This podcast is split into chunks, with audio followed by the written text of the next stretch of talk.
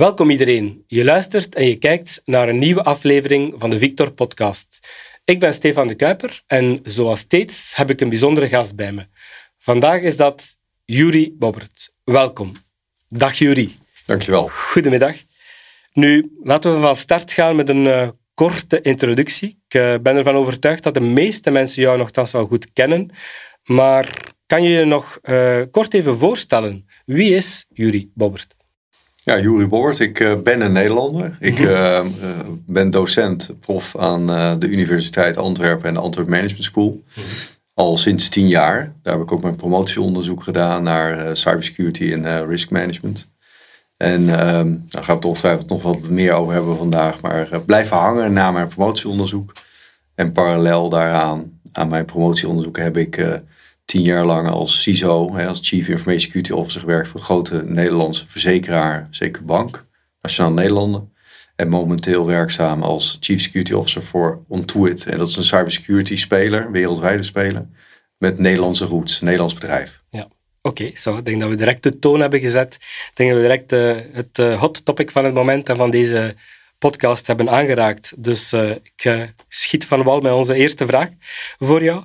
Um, we vinden jou terug als praktijkwetenschapper op het gebied van informatiemanagement, risicomanagement en cybersecurity. Heel wat verschillende thema's bij elkaar, maar toch ook allemaal specialisatiedomeinen die op vandaag in heel wat verschillende trajecten allemaal samenkomen. Laten we beginnen met informatiemanagement. Waar liggen de grote uitdagingen bij overheidsinstellingen rond uh, het beheer van data? Ja, uh, nou, ik ben zelf ook uh, Chief Security Officer geweest van een, uh, Nederlands grootste uitvoeringsinstelling, uh, het UWV. Waar we ook te kamp hadden met heel veel data-uitwisseling met allerlei derde partijen. Hè, omdat je vaak met ook allerlei lokale overheden gegevens moet uitwisselen. En nou, je ziet wel dat naarmate je meer gegevens verzamelt. Mm. We praten wel eens over data-obesitas. Dat op een gegeven moment de organisaties zo ontzettend veel gegevens verzamelen Um, en ook in, bij de intentie hebben van ja, daar moeten we ook bewaren. Hè. Daar zijn we natuurlijk uh, middels die GDPR komen we daar wat op terug. Hè. Dat moet natuurlijk wat korter bewaard worden. Dus je ziet dat heel veel bedrijven toch wel kampen met. Nou, is er een, wat we noemen, een mooi woord noemen, legitimate interest voor het verzamelen van die gegevens? Ja. Uh, verwerken we dat ook en beschermen we, uh, verwerken we dat ook uh, naar eer en geweten op een nette manier? Heeft iedereen daar ook toegang toe? Um, maar vooral met de doorgifte van dat soort data naar andere uitvoerders, is het met name in die keten wordt het steeds complexer. Hè? Dus dat is met name voor overheidsinstellingen natuurlijk een steeds groter wordende complexiteit.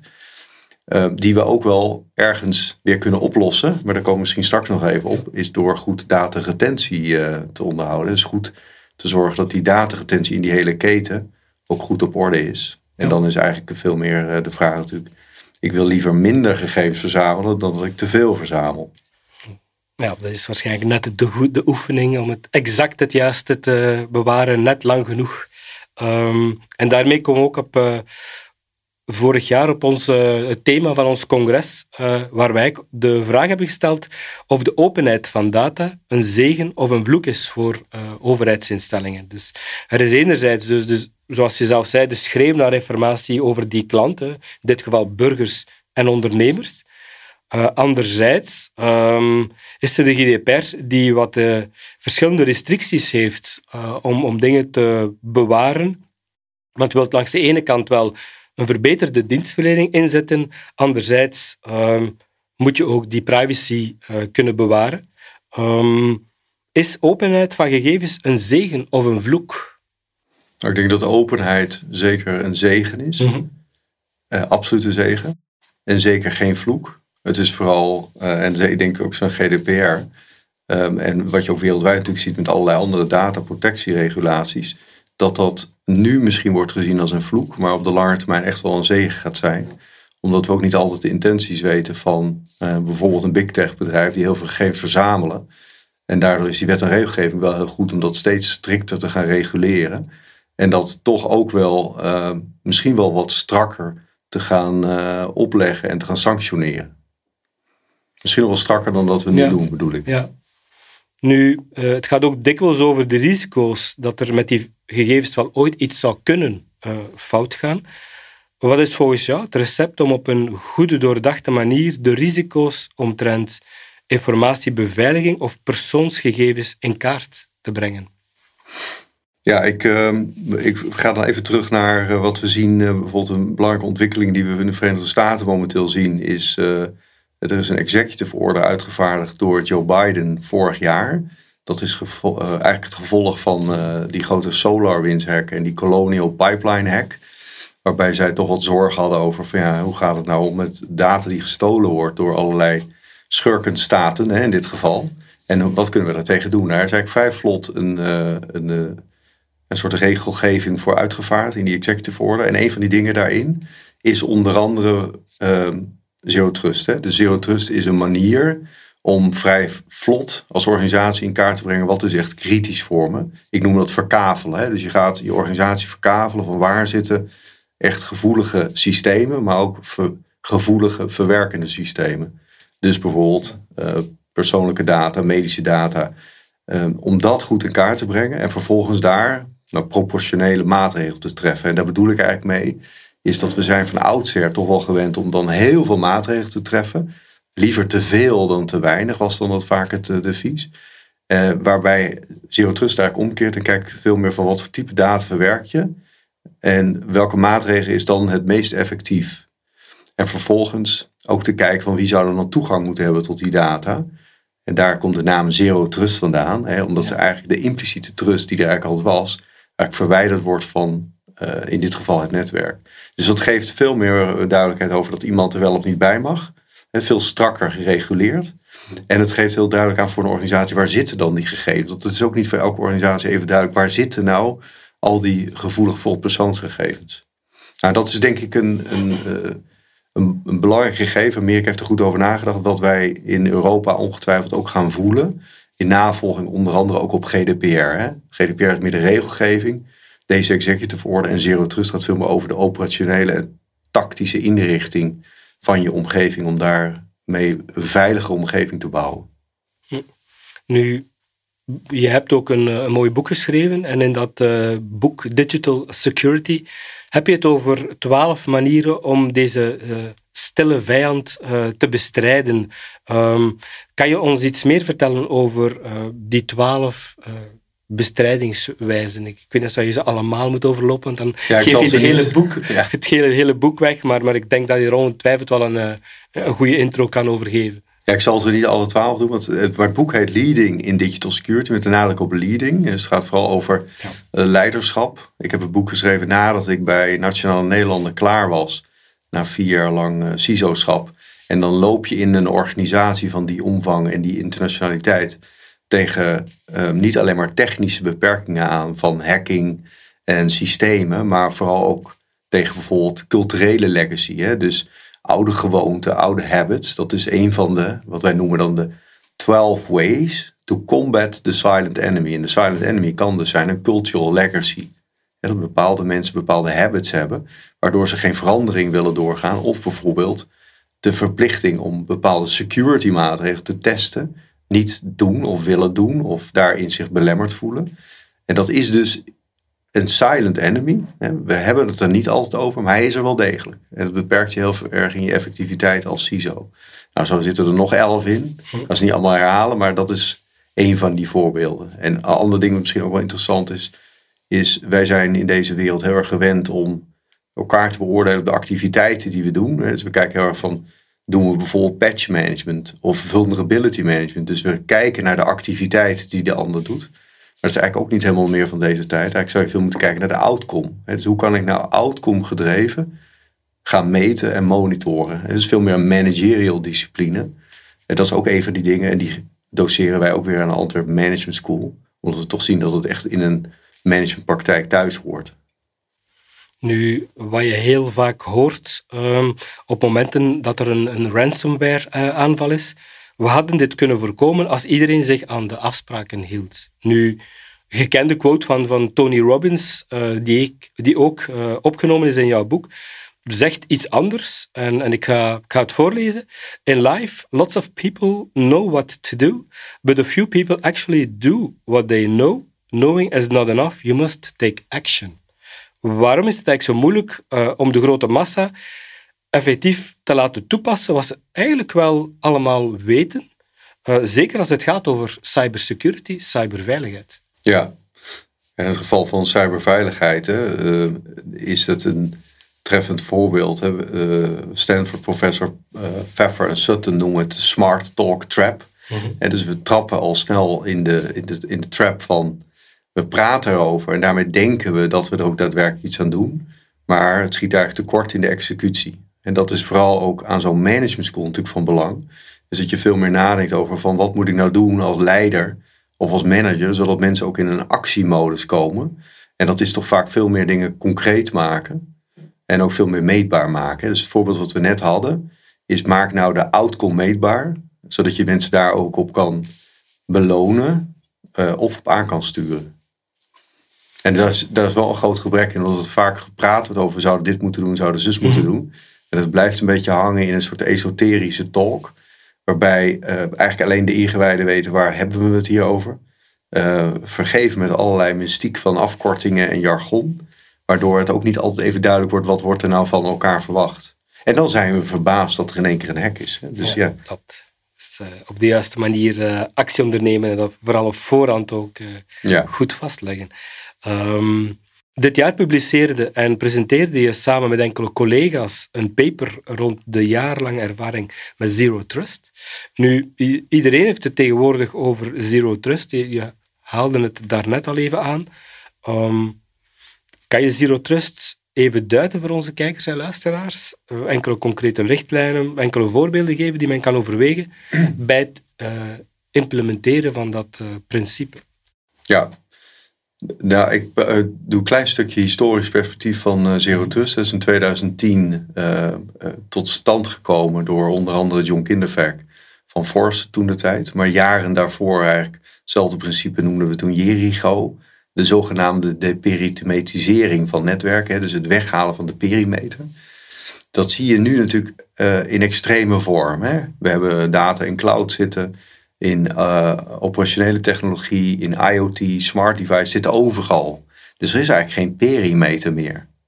Nou, dat is eigenlijk het hele concept ook van Zero Trust. Zero Trust zegt eigenlijk zoveel als het hele internetontwerp vertrouwde eigenlijk op buiten was slecht, binnen was goed. Hè?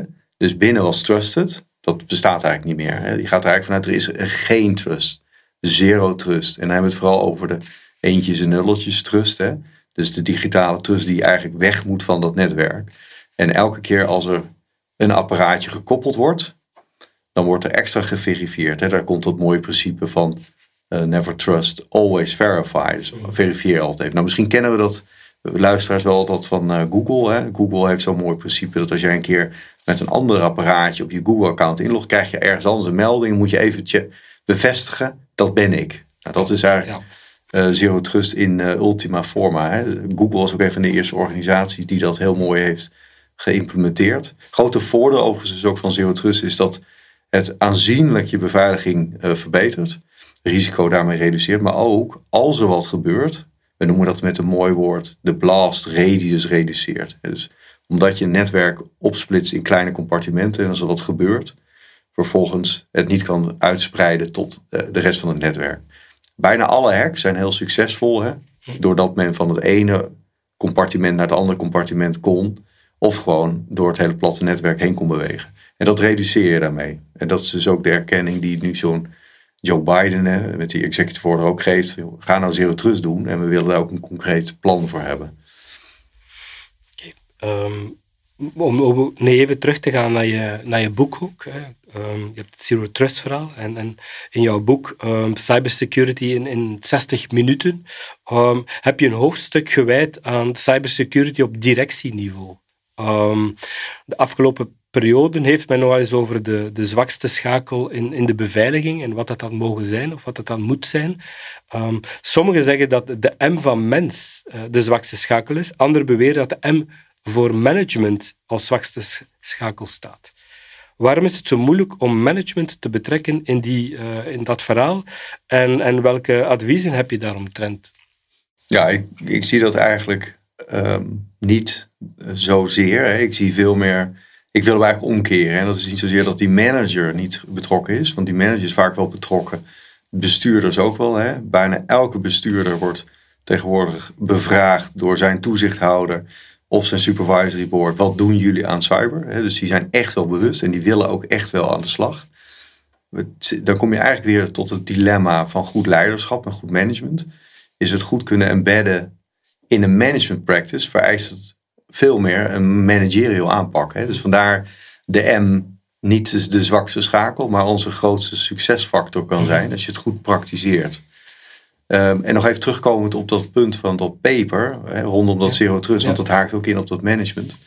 Is dat wat we daar ook gedaan hebben, is eigenlijk de industriebeloftes die gedaan worden door heel veel techfabrikanten beloven dat bepaalde dingen opgelost worden door als je die producten koopt.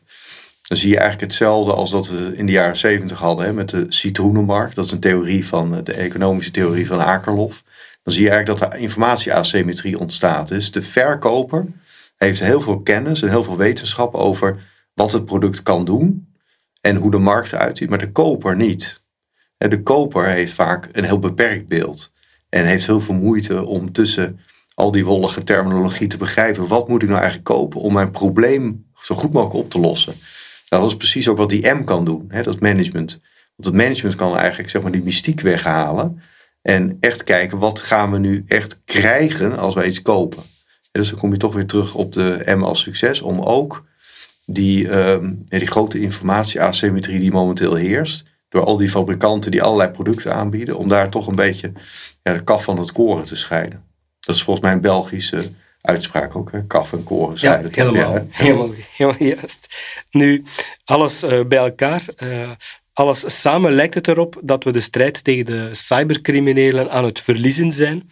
Of uh, dat wel zo is, laat ik het hier in, in het midden, maar de vraag die we ons stellen is, maken wij een kans in deze wereld waar iedereen en alles geconnecteerd is met elkaar, om die strijd tegen um, cybercriminelen uh, te winnen? Ja, absoluut. Ik denk dat we hem gaan winnen. Ik denk dat sterker nog, ik denk dat wij uh, ook op de hele, hele goede weg zijn met principes zoals een zero trust, omdat je daarmee dat die impliciete trust weghaalt en continu dus verifieert of iets wel of niet mag. En dat werkt juist ook goed in een keten. We werken natuurlijk steeds met digitale platformen. Dus alles is meer geconnecteerd. Als je daar continu de verificatie doet, dan haal je die veiligheid omhoog. En dan denken we vaak, oh dat is ook heel complex en heel moeizaam. Maar dat hoeft helemaal niet. Je kan heel veel automatiseren. En je kan op basis van bijvoorbeeld digitale identiteiten of bijvoorbeeld bepaalde devices, kun je al bepaalde verificatieslagen geautomatiseerd inbouwen. Dat is ook een van de dingen die wij uh, in een recent artikel hebben gepubliceerd over afgelopen 30 jaar alle trendontwikkelingen rondom cyber actors en cyber uh, incidenten die hebben plaatsgevonden en de root cause daarvan. We hebben gekeken van wat zijn nou ontwikkelingen die we kunnen doorvoeren naar de toekomst waar bepaalde rollen van toepassing zijn. Dus welke specialismen heb ik nodig om dat vak goed te kunnen uitoefenen. En dus neem bijvoorbeeld een geautomatiseerde beslissing door een algoritme. Dan zou je dus bijvoorbeeld, om dat goed te beoordelen, heb je een soort AI-auditor nodig. Die dat, dat algoritme goed kan doorgronden. Um, een andere bijvoorbeeld is, uh, uh, wij zouden in, in principe natuurlijk voor industrieën eigenlijk willen voorspellen. Waar zijn specifieke industrieën kwetsbaar voor? Daar is technologie voor, maar daar is eigenlijk niet een rol voor. Voor iemand die dat goed kan forecasten. Een soort calamiteitenforecaster. Dat zijn ook allemaal toekomstige rollen die steeds meer uh, belang gaan hebben om uiteindelijk die, die, die war hè, tegen cybercriminelen toch te gaan winnen. Kijk, een, een hoopvol, hoopvol vooruitzicht uh, hoor ik hier toch naar voren komen. Um, nu, je kent Victor als organisatie, uh, als koepel van mensen die binnen de lokale overheden bezig zijn met de digitale transformatie informatie en technologie, maar ook security. Nu, stel dat je morgen aan het stuur zit van deze organisatie en eh, je compleet carte blanche uh, had. Welke bakens zou je uitzetten uh, voor onze club, voor onze organisatie? Ja, dat vond ik een hele mooie vraag. En dat zijn dan ook van die vragen waarvan ik denk, ja, daar, daar moet je niet uit de heup gaan schieten. Dat mhm. is vooral ook even goed nadenken over van waar zijn we bij gebaat. En dan kijk ik ook naar uh, initiatieven die wereldwijd spelen. En dan een van de initiatieven die ik heel mooi vind, die zeker voor een Victor-organisatie ook van toepassing zou kunnen zijn, is uh, meer samenwerking in de vorm van industrieën. dus er is een initiatief bijvoorbeeld uh, uh, geshared SOCs en CERTs. En is een SOC, een Security Operating Center, en een CERT is dan een Cybersecurity Incident Response Team. Dat zou je als zelfstandig noemen als een ziekenhuis, is dat best een dure aangelegenheid. Dus het is slim om dat collectief te doen. Er zijn er in België ook wel wat initiatieven die dat bewerkstelligen, maar dat zou je eigenlijk iets meer op schaal willen doen. En ook willen terugvallen op best practices als het gaat om de governance van dat soort ja, juridische entiteiten. Want je zult een juridische entiteit daarvoor moeten oprichten. En dan de technische inrichting daarvan. Hè, met tools en goede mensen die dat kunnen doen voor zo'n industrie. Maar daar is heel veel winst te halen. Ik denk dat Victor met name daar ook een belangrijke rol in kan spelen. Omdat je daar, en je kan de partijen bij elkaar brengen. Je hebt de industrie kennis om dat te kunnen doen. En je hebt ook de schaal om dat vervolgens niet alleen in België, maar ook met buitenlandse partijen natuurlijk goed te kunnen inrichten. Dus dat was er eentje. Mhm. Eh, en voor de rest had ik nog een andere. En dat was, als je nou kijkt naar uh, uh, specifieke sectoren hebben behoefte aan hele specialistische kennis. En neem bijvoorbeeld de maritieme sector. Heeft behoefte aan hele specifieke kennis. Dan is vooral ook het opleiden van mensen in die, dus niet zozeer met generieke security of data of informatiekennis, maar veel meer industrie-specifieke kennis met industrie-specifieke tracks. En daar samenwerkingsvormen met bijvoorbeeld een Antwerp Management School zou natuurlijk prima kunnen. Hè? Dat zijn mooie initiatieven. Ah, kijk, en hier nu, ik op mijn uh, fiche, dat we blijkbaar ook aan de laatste vraag zijn van onze dingen. Dus uh, ja, zoals altijd, uh, tijd is meestal te kort in, in deze gesprekken, maar vandaar toch nog, nog één klassieke vraag. Um, Welke oproep wens jij te doen naar de kijkers, luisteraars van deze podcast, als ze hierna terug aan de slag gaan in hun ja, professionele loopbaan? Al dan niet, en dan ja, eigenlijk toch wel graag specifiek over, als het over veiligheid gaat. Wat geef je hen nog uh, als, ja. als tip mee? Nou, even in het achterhoofd, met, waar we het net over hadden, met intenties van bijvoorbeeld een big tech bedrijf met mhm. dataverzameling, ja. die baten bij veel dataverzameling. Uh, Big Tech, denk aan Microsoft, Google, Palantir. Die uh, zijn de bedrijven die een, een track record hebben. Hè, net recent met de uitspraken rondom Meta, onder andere in Duitsland. En Google hè, op de universiteit in Duitsland best wel wat tumult rondom de intenties van Big Tech. Niet zozeer alleen maar met data verzamelen, maar ook met security. Veel van die partijen begeven zich ook in het security vak. En dan is mijn overdenking eigenlijk ook die ik mee wil geven aan de luisteraar, is Ehm, is er ooit binnen de organisatie een discussie gevoerd hè, met de eigenaar of de top van het bedrijf over de lange termijn intenties van die big tech? Ehm, heeft u daarbij de eieren in één bandje gelegd of is er een mogelijkheid weg te bewegen uit die vendor lock-in? Of blijft het dan bij een gesprek of ligt er daadwerkelijk een exit-strategie die uitvoerbaar is? om daar eens over na te denken. Voilà, ik denk uh, dat dat echt een super interessante takeaway is voor al onze kijkers en luisteraars. Dankjewel. Dankjewel, Graag gedaan.